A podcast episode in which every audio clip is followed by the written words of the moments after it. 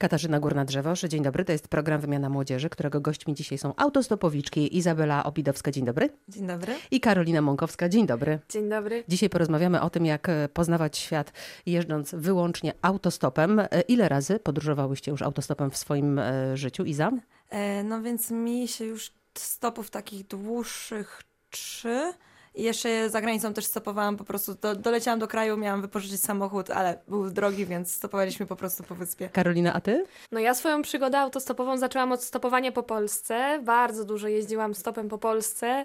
E, Od południa do północy, e, od wschodu na zachód, e, a później właśnie przez Autostop Race zaczęła się moja przygoda ze stopowaniem poza granicami kraju. I O tym chciałam dzisiaj z Wami porozmawiać, a mianowicie o tym, co trzeba wiedzieć na temat innych krajów, jeśli jeździ się tam e, autostopem. Możemy zacząć Tak. od Europy. Ja, jeżeli chodzi o podróż autostopem, to taką moją najdłuższą podróż autostopem miałam w zeszłym roku. E, Była to podróż na samo południe Włoch. E, Jest to dość ciekawy kraj do podróżowania autostopem, bowiem tam autostop generalnie nie jest do końca nie jest do końca legalny. Natomiast e, udało się i udało mi się bardzo szybko, e, bo w 50,5 godziny dojechałam na samą Kalabrię, e, czyli na samo południe Włoch, startując z Wrocławia. Co To warto chyba jakiś wiedzieć? rekord. 50 godzin, czyli ponad, 50,5 godziny. ponad dwie doby.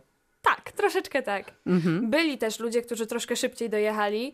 E, natomiast no, to było autostopowanie stricte pod wyścig, bo to, było, e, to była zeszłoroczna edycja Autostop Race. Ścigaliśmy się, więc nie do końca to było stopowanie pod zwiedzanie danego kraju, prawda? Jeżeli chodzi o podróż autostopem przez e, właśnie Włochy czy przez inne kraje, e, biorąc udział w takim wyścigu, e, warto pamiętać o tym, że że jednak nie stopuje się przez mniejsze miejscowości, tylko głównie leci się całą autostradą, e, szuka się stacji benzynowych, tych, e, te, te stopy też się łapie głównie na stacjach benzynowych, bo no, nie wyobrażam sobie stać na e, autostradzie i łapać stopa, to jest bardzo niebezpieczne, bardzo trzeba o tym pamiętać, żeby mimo wszystko zachowywać te zasady bezpieczeństwa. I ja w ogóle chciałabym powiedzieć, że bardzo fajnie jest podpytać się właśnie osób, które, które jeździły po danych krajach i nie zwracać uwagę, e, uwagi na niektóre stereotypy. Jakie na przykład? No na przykład, jeżeli chodzi o stopowanie po krajach Bliskiego Wschodu. Wydawałoby się, że kraje muzułmańskie będą bardzo zamknięte na jeżdżenie autostopem, że to są kraje niebezpieczne. Jakie masz na myśli konkretnie? No chociażby Iran, Pakistan. Takie mamy stereotypy, tak widzimy te kraje z punktu widzenia osoby mieszkającej w Polsce. Natomiast mam koleżankę, y, zresztą bardzo dużo osób z naszej y, organizacji, z klubu podróżników BIT, y, stopowało właśnie po krajach Bliskiego Wschodu, chociażby po wspomnianym Pakistanie. I dla nich to były najbardziej otwarte, najwspanialsze kraje do jeżdżenia autostopem. To oczywiście stopowanie po tych krajach też ma swój, swój charakter, bo bardzo często, jeżeli wybieramy się autostopem gdzieś blisko granic krajów muzułmańskich, na przykład z innym krajem, z którym są w wojnie, bądź te konflikty są takie dość śliskie, obywatele nas eskortują i wojsko eskortuje takich autostopowiczów. Nie jest to nic złego, e, oni są otwarci, żeby nam pomóc i robią to tylko i wyłącznie dlatego, żeby nam pomóc, żeby nic się złego nie stało. Ale miałaś taką sytuację, że wojsko cię Ja eskortowało? nie miałam, ale koleżanka jeżdżąc po Bliskim Wschodzie dostąpiła tego zaszczytu bycia Jeden kawałek Ale jak to się stało? Zadzwoniła po kogoś? Czy oni ją gdzieś znaleźli? Oni wcześniej mieli już taką informację, że będzie się przemieszczać e, turystka razem z, ze swoim kolegą przez dany e, teren. I tak po sami prostu- z siebie zareagowali, żeby im pomóc? Tak. I odeskortowali ich po prostu w bezpieczne miejsce. Dokładnie tak. A stamtąd już potem bezpiecznie mogli e, jeździć autostopem. Y, Ja na przykład y, Iza. do tej pory stopowałam tylko po Europie. Ja, jeszcze się dalej nie wyrwałam, ale mam to w planach. I właściwie od tego zaczęłam. Nie stopowałam w ogóle po Polsce, tylko pierwszy mój stop to był do Chorwacji z Wrocławia. Raczej nie miałam jakichś takich konkretnych lekcji, tylko tak bardziej ogólnie w, w, jakieś wnioski wyciągnęłam z tego. Przede wszystkim jedna rzecz to to, że nie musimy wsiadać w każdy samochód. W sensie E, Czasami, ja wiem, że czasami, na szczególnie przy wyścigu autostopowym, to różnie bywa z tym stopem. Zresztą nawet poza wyścigiem też, że czasami wylądujesz na jakiejś stacji, na której e, ciężej jest kogoś złapać, bo jest mniejszy ruch, albo po prostu ludzie mają pełne samochody, różnie bywa. E, no i przyjeżdża samochód i myślisz wybawienie. Ale coś nie gra. I to nie, nie musisz w niego siadać. W, sensie, no w to, relacji coś nie gra? w sensie po prostu widzisz, że coś albo nie pasuje ci ta osoba, która prowadzi ten samochód, albo nie wiem, proponuje ci jazdę na pacę, co jeśli, jeśli widzisz, ufasz tej osobie, można się na to zgodzić, ale jeśli to jest całkowicie y, obca osoba, nie jesteś w obcym kraju, to no nie polecałabym, bo tak naprawdę nie ma, nie ma się w ogóle kontroli nad drogą wtedy. E, więc po prostu wtedy dziękujesz i czekasz dalej i to nie, nie, jeszcze nic, nikomu się nie stało, nic z tego, że czekał po prostu parę godzin dłużej. Czyli nie spiesz się trochę jednak. Tak, tak, be, moim zdaniem bez pośpiechu zdecydowanie. Fajnie jechać w dwie osoby, bo bywają gorsze i lepsze chwile i po prostu dwie osoby się nawzajem wspierają, bo sama miałam właśnie ja, jak jechałam do Włoch, to niestety nie poszło mi tak dobrze jak Karolinie e, i oj, teraz nie pamiętam ile trwała nasza trasa, z, myślę, że ponad 70 godzin bodajże. E, No, ale miałyśmy z koleżanką właśnie taki dzień, że dużo gorzej nam się łapało stopa i każdy kolejny to było 50 kilometrów, 30 i tak od stacji do stacji. Radio Wrocław. Radio z Dolnego Śląska. Iza i Karolina, stwórzmy w takim razie e, taki dekalog e, bezpiecznego podróżowania. E, Dziesiąte przykazanie brzmi, Nie musisz wsiadać do każdego samochodu, który się zatrzyma. czyli to, o czym powiedziała przed chwileczką Iza, nie spiesz się też trochę, uważaj na to, jeżeli nie masz jakiegoś feelingu z osobą, z kierowcą, to lepiej sobie odpuścić. Dziewiąte przykazanie, Iza? Zaopatrz się w mapę papierową, bo technologia bardzo często zawodzi i mamy, są mapy offline na telefon, ale nigdy nie wiadomo, co się stanie, a mapa papierowa też bardzo ułatwia kontakt z kierowcą, bo jeśli nie mówimy w jego języku, to na mapie papierowej po prostu poka- pokazuje nam, gdzie jedzie i wtedy wiemy, czy możemy z nim pojechać, czy nie. Czyli nawet najlepsza nawigacja e, nie jest lepsza niż mapy papierowe. Ósme przykazanie. Pamiętaj, żeby przed wyruszeniem na stopa do jakiegoś kraju, mimo wszystko zapoznać się z y, kulturą danego kraju, poczytać o tym kraju, podpytać się osób, które już tam stopowały. Wiedza jest bardzo potrzebna. Siódme przykazanie autostopowicza brzmi, Iza? Razem zawsze raźniej. Wiem, że niektórzy się porywają na samotne podróże, ale jednak polecałabym podróże w parze. Ułatwia to wiele spraw i, i na trasie, i względem siebie, względem charakteru i w ogóle wspie- jak wsparcie, więc Szóste przykazanie, Karolina. Nie bój się i uwierz w siebie. To wcale nie jest takie trudne, jak się nam wydaje.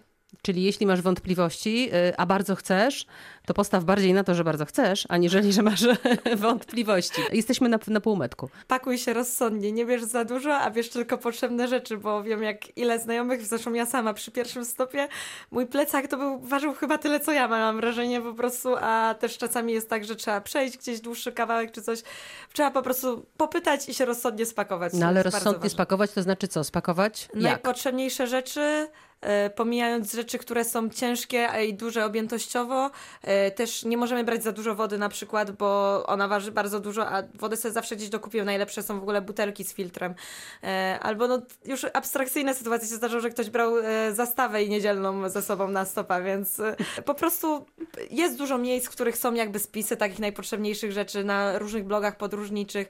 E, My sami w Autosoprejsie też robimy sp- specjalnie spotkania organizacyjne po to, e, żeby powiedzieć takie rzeczy. Warto szczególnie na pierwszego stopa się z tym zaznajomić. Czwarte przykazanie brzmi, Karolina? Nie myśl stereotypowo. Okej, czyli to, o czym mówiłaś na początku. Iza, mamy już trzecie. Myślę, nie, nie załamuj się na trasie. Trzeba zawsze mieć nadzieję na to, że się poprawi i jakby z każdej dziury da się prędzej czy później wyjść. Z czasem zajmie to dłużej, ale kto wie, czy jeśli nie spędzisz w jakimś miejscu iluś tam godzin, to nie poznasz jakichś mega wartościowych ludzi. Albo e, też jest pech, ze szczęściem się często na trasie wyrównują i najpierw jest peszek, a później idzie tak, że pomarzyć idzie o tym. Czyli przygotuj się na kryzysowe sytuacje, Tak, one tak. będą, one, One będą będą, i z to nich się tak, to- wychodzi. To drugie przykazanie brzmi, Bądź otwarty i słuchaj ludzi, z którymi jeździsz. Rozmawiaj z nimi. Ludzie bardzo często, które, którzy zabierają cię na stopa, to są ludzie otwarci, y, którzy też chcą poznać Twoją historię, więc warto jest porozmawiać z takimi osobami, bo potem można poznać naprawdę niesamowite historie ludzi na całym świecie i czasami nawet takie, takie znajomości potrafią ciągnąć się latami. chcesz powiedzieć, że autostop, e, tym przykazaniem, chcesz powiedzieć, że autostop to nie jest tylko podróż e, z punktu A do punktu B, ale to jest poznawanie poznawanie ludzkich historii. To jest przede wszystkim poznawanie ludzkich historii. To może to pierwsze przykazanie powinno brzmieć w ten sposób, że poznaj siebie poprzez autostop. O. O, Bo ty powiedziałaś i za taką e, rzecz, że e, dotąd nie podróżowałaś i autostop pokazał ci trochę, że e, masz tę część e, siebie, e, którą tak naprawdę odkryłaś poprzez e, autostop. tak, zdecydowanie to. e, Ja, ja nawet myślałam, że podróżowanie nie jest dla mnie, po prostu mówię. e, Nie, nie znam języków, trochę się bałam o, tak też e, obcych krajów, bo mówię, no nie byłam, więc jakby się nie przekonałam. E, też zawsze uważałam, że brak pieniędzy, brak pieniędzy. A tak, po pierwsze, autostop jest bardzo niskokosztowy, e, a po drugie, właśnie taki sama jedna dłuższa trasa i ludzi, których po, poznałam po drodze, wpłynęli na mnie tak, że kurczę, nie ma się czego bać. To jest coś, co e, warto ro- robić i korzystać z tego, póki mogę jeszcze, póki jestem młoda, mam na to czas i też teraz jest, podróżowanie jest bardzo łatwe w obecnych czasach, więc nic tylko brać i korzystać.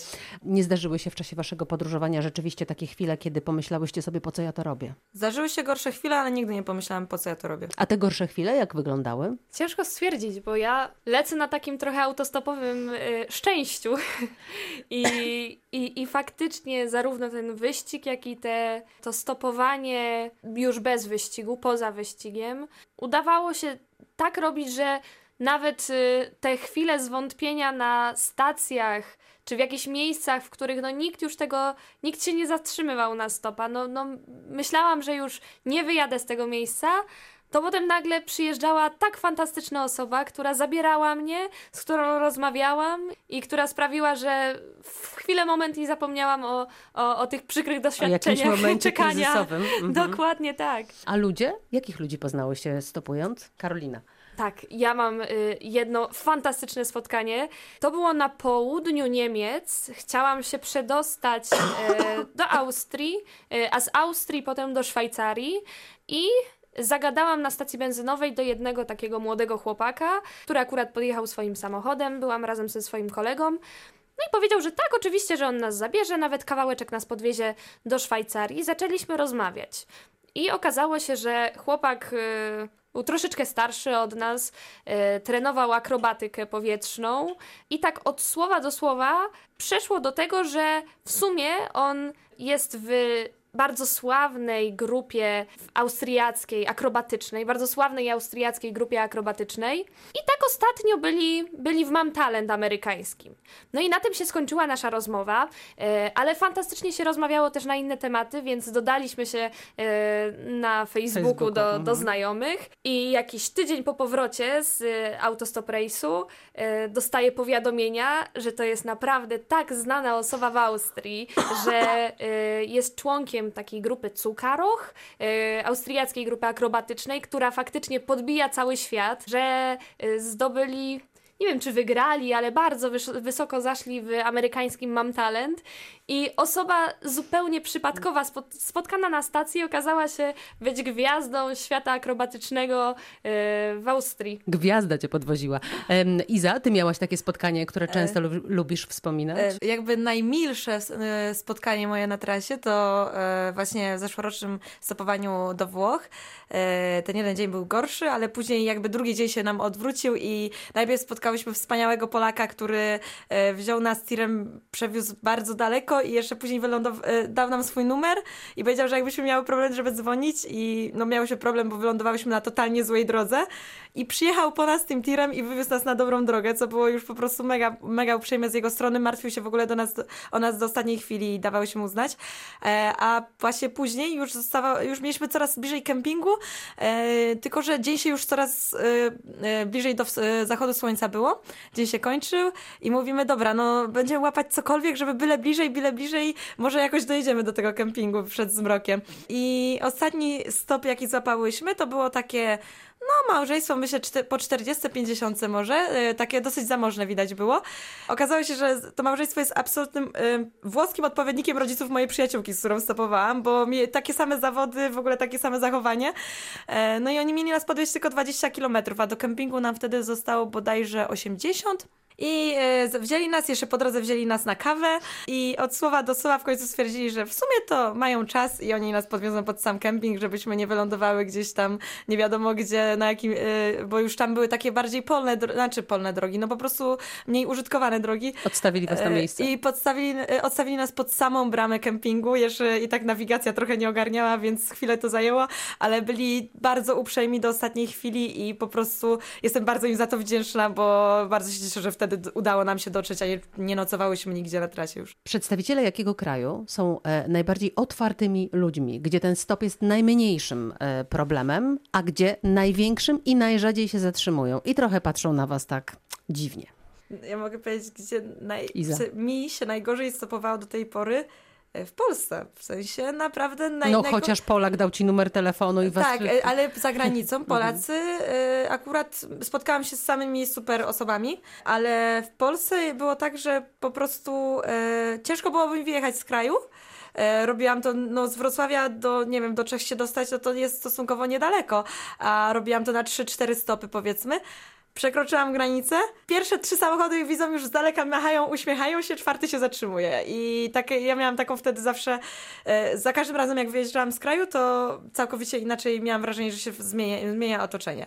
Czyli w Polsce e, najtrudniej. E, a jak Karolina u ciebie? No to też, bo ja chciałabym dodać, że to też nie jest tak, że w jakimś kraju y, faktycznie biorą wszyscy na, na tego stopa, w innym kraju nikt nie bierze na stopa, bo tak naprawdę to tyle ile ludzi, tyle historii i nie można jednoznacznie stwierdzić, że w tym kraju jak się jeździ na stopa, to po prostu wszyscy cię wezmą, a w innym kraju nie, Y, bo to wszystko zależy od ludzi. Bardzo często mnie brały na stopa osoby, które kiedyś za młodu też podróżowały autostopem, więc no, mnie po Polsce się z kolei bardzo dobrze stopowało. Bo ty zaczęłaś to swoje stopowanie Tak, od Polski, tak, tak, prawda? tak. Mhm. E, Natomiast jeżeli chodzi o kraj, e, o kraje bardzo otwarte na stopowanie, to jeżeli chodzi o Europę, to zdecydowanie jest taka tendencja, że im bardziej na wschód, chociażby Bałkany, w tym roku też uczestnicy Autostop Race będą mieli przyjemność, mam nadzieję, po Bałkanach e, stopować, bowiem jedziemy do Grecji. Na Bałkanach fantastycznie się stopuje. Tyle, ile osób poznałam i z którymi rozmawiałam, to każdy powiedział, że po Bałkanach podróżowało się bardzo łatwo, bardzo szybko, osoby są bardzo otwarte i faktycznie e, często zabierają na tego stopa. Natomiast im dalej na zachód, e, podróżowanie po Hiszpanii czy po Francji, to już się robi troszeczkę ciężej, jeżeli chodzi o jeżdżenie autostopem, ale mówię, nie ma czegoś takiego jak reguła, że w tych krajach się lepiej jeździ, w innych krajach się gorzej jeździ. Po prostu czasami ma się większe szczęście, czasami ma się mniejsze szczęście. Na koniec, dokąd w tym roku zmierza Autostop Race? Jak już wspomniała Karolina, w tym e, roku jedziemy do e, greckiej Ewi.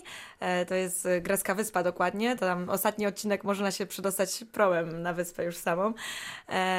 I właśnie no, stopujemy przez Bałkany, czego ja osobiście bardzo zazdroszczę tegoro- e, tegorocznym uczestnikom. Bo nie jedziesz? Jako organizator niestety nie mogę pojechać na stopa, ale mam nadzieję, że jeszcze po Autostop Race to nadrobię i te Bałkany jednak zjadę, bo tak jak Karolina wspominała, e, są wspominane jako no, najbardziej przyjazna tutaj w Europie jakby miejscówka do autostopowania, ta, ta, ta trasa po Bałkanach. Karolina, ty jedziesz? No ja też jako organizator będę musiała jechać busem niestety i też bardzo, bardzo zazdroszczę osobom, które będą stopować po, po Bałkanach właśnie i będą pokonywać tę drogę do Grecji, ale nie mówię, że to jest moja ostatnia podróż i mam nadzieję, że kolejna podróż do Grecji czy generalnie po tamtym regionie e, zostanie odbyta e, autostopem. E, Kiedy start? 27 kwietnia spod Uniwersytetu Ekonomicznego tutaj we Wrocławiu, jak co roku, będzie startowało ile? No, ponad tysiąc osób na stopa w tym samym momencie.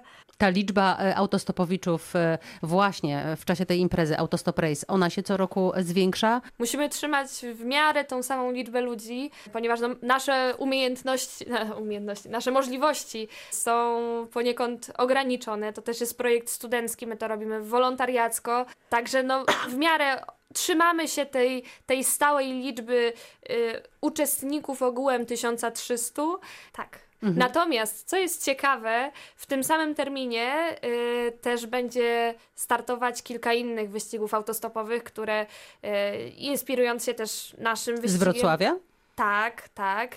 Inspirując się. Nie, nie, Nie. z Wrocławia, przepraszam. E, One będą stopowały z, startowały z innych miast w Polsce. No bo tak, że pierwszy wyścig autostopowy w ogóle ruszał z Gdańska, gdzieś na, na północy. E, Był taki pierwszy, pierwszy, już bardzo dawno temu. A dlaczego to jest Natomiast- ciekawe, powiedziałaś, że w tym samym czasie będą e, wystartowały stopy Ach. z innych miast? bo e, przyjmijmy, że no w, każdym, w każdym mieście startuje kilkaset bądź nawet czasami tysiąc e, uczestników. I w miarę to jest w tym samym czasie, i w miarę te same trasy muszą obiera, obierać. E, także no będzie napływ autostopowiczów, Wysyp autostopowiczów wysyp będzie. autostopowiczów z Polski, którzy będą się, pod, będą się przemieszczać autostopem na południe Europy, bo zazwyczaj właśnie te wyścigi autostopowe są na południe Europy do ciepła. A już ta Europa e, tych autostopowiczów polskich zaakceptowała? Już się nie dziwią, nie patrzą e, na nich jak na takich trochę szalonych ludzi, którzy e, gdzieś tam śpią na właśnie na stacjach benzynowych i jest ich mnóstwo przy autostradach, przy różnych drogach. No ja myślę, że to zależy od tego, czy ktoś się już z tym spotkał, czy nie, ale mało spotkałam tak naprawdę takich, mm, nie wiem, e, bardzo mało takich e, stricte negatywnych e, reakcji.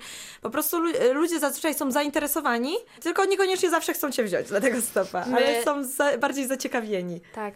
My na przykład zawsze, jak już wiemy, gdzie będzie dany wyścig autostopowy, to wysyłamy listy wiadomości do ambasady, do danych krajów z taką informacją, że w tym i w tym terminie będzie wyścig autostopowy na terenie ich kraju. I bardzo często jest tak, że przyjeżdżają już potem do nas na kemping takie lokalne gazety, y, piszą o nas, no, no chociażby w zeszłym roku było pełno ar- artykułów o naszym wyścigu y, autostopowym u nich we Włoszech. Fantastyczna sprawa, bo faktycznie jeżeli oni są świadomi tego, to chcą to wykorzystać, bo taki wyścig autostopowy to no, zdarza się tylko raz do roku. No dobrze, zdarza się raz do roku. A sądzicie, że będziecie, jak już studia skończycie, mm, będziecie takimi osobami, które będą próbowały dalej jeździć stopem po świecie? Oczywiście, że Myślę, tak. że tak. Zdecydowanie. Ja na przykład teraz y, w te wakacje już bilety kupione i planuję y, autostopem zdobyć Amerykę Południową. Ambitnie. A ty, Iza? E, no ja w te wakacje akurat zamierzam wyjechać do pracy, ale to nie powiedziane, że tam też nie będę stopować, bo e, mówię, różnie to bywa. E, ale na pewno w Europie jeszcze te Bałkany na stopa to jest coś, co, co muszę w życiu zrobić. No i e, jako taki, e, że, że tak powiem, jestem i tak początkującym jeszcze podróżnikiem, się tak trochę uważam, to chciałabym jakąś większą podróż pierwszą sobie zaplanować w, po Azji, bo tam jest, to jest jakby najbardziej dostępna, chyba najłatwiejsza taka na długą podróż, kil, taką kilkumiesięczną, chyba najłatwiejsza trasa, więc autostop po Azji też na pewno kiedyś. No ale ogólnie wiadomo, że marzy się cały świat. Ostatnio, Mhm, proszę. Ostatnio na y, też organizowanym przez Klub Podróżników BIT festiwalu podróżniczym Dni Podróżnika była właśnie prelekcja chłopaka, który przejechał na stopa z Łodzi do Singapuru. Także da się nawet tak ogromne y, odległości pokonywać na stopa. No to takich ogromnych odległości bardzo Wam życzę. 27 kwietnia start Autostop Race z Wrocławia, a dzisiaj gościłam organizatorki tej imprezy i autostopowiczki oczywiście. Izabela Obidowska, bardzo dziękuję. Dziękuję. I Karolina Mąkowska, bardzo Ci dziękuję za Dziękuję spotkanie. bardzo. Katarzyna Górna-Drzewoż, dziękuję, zapraszam za tydzień.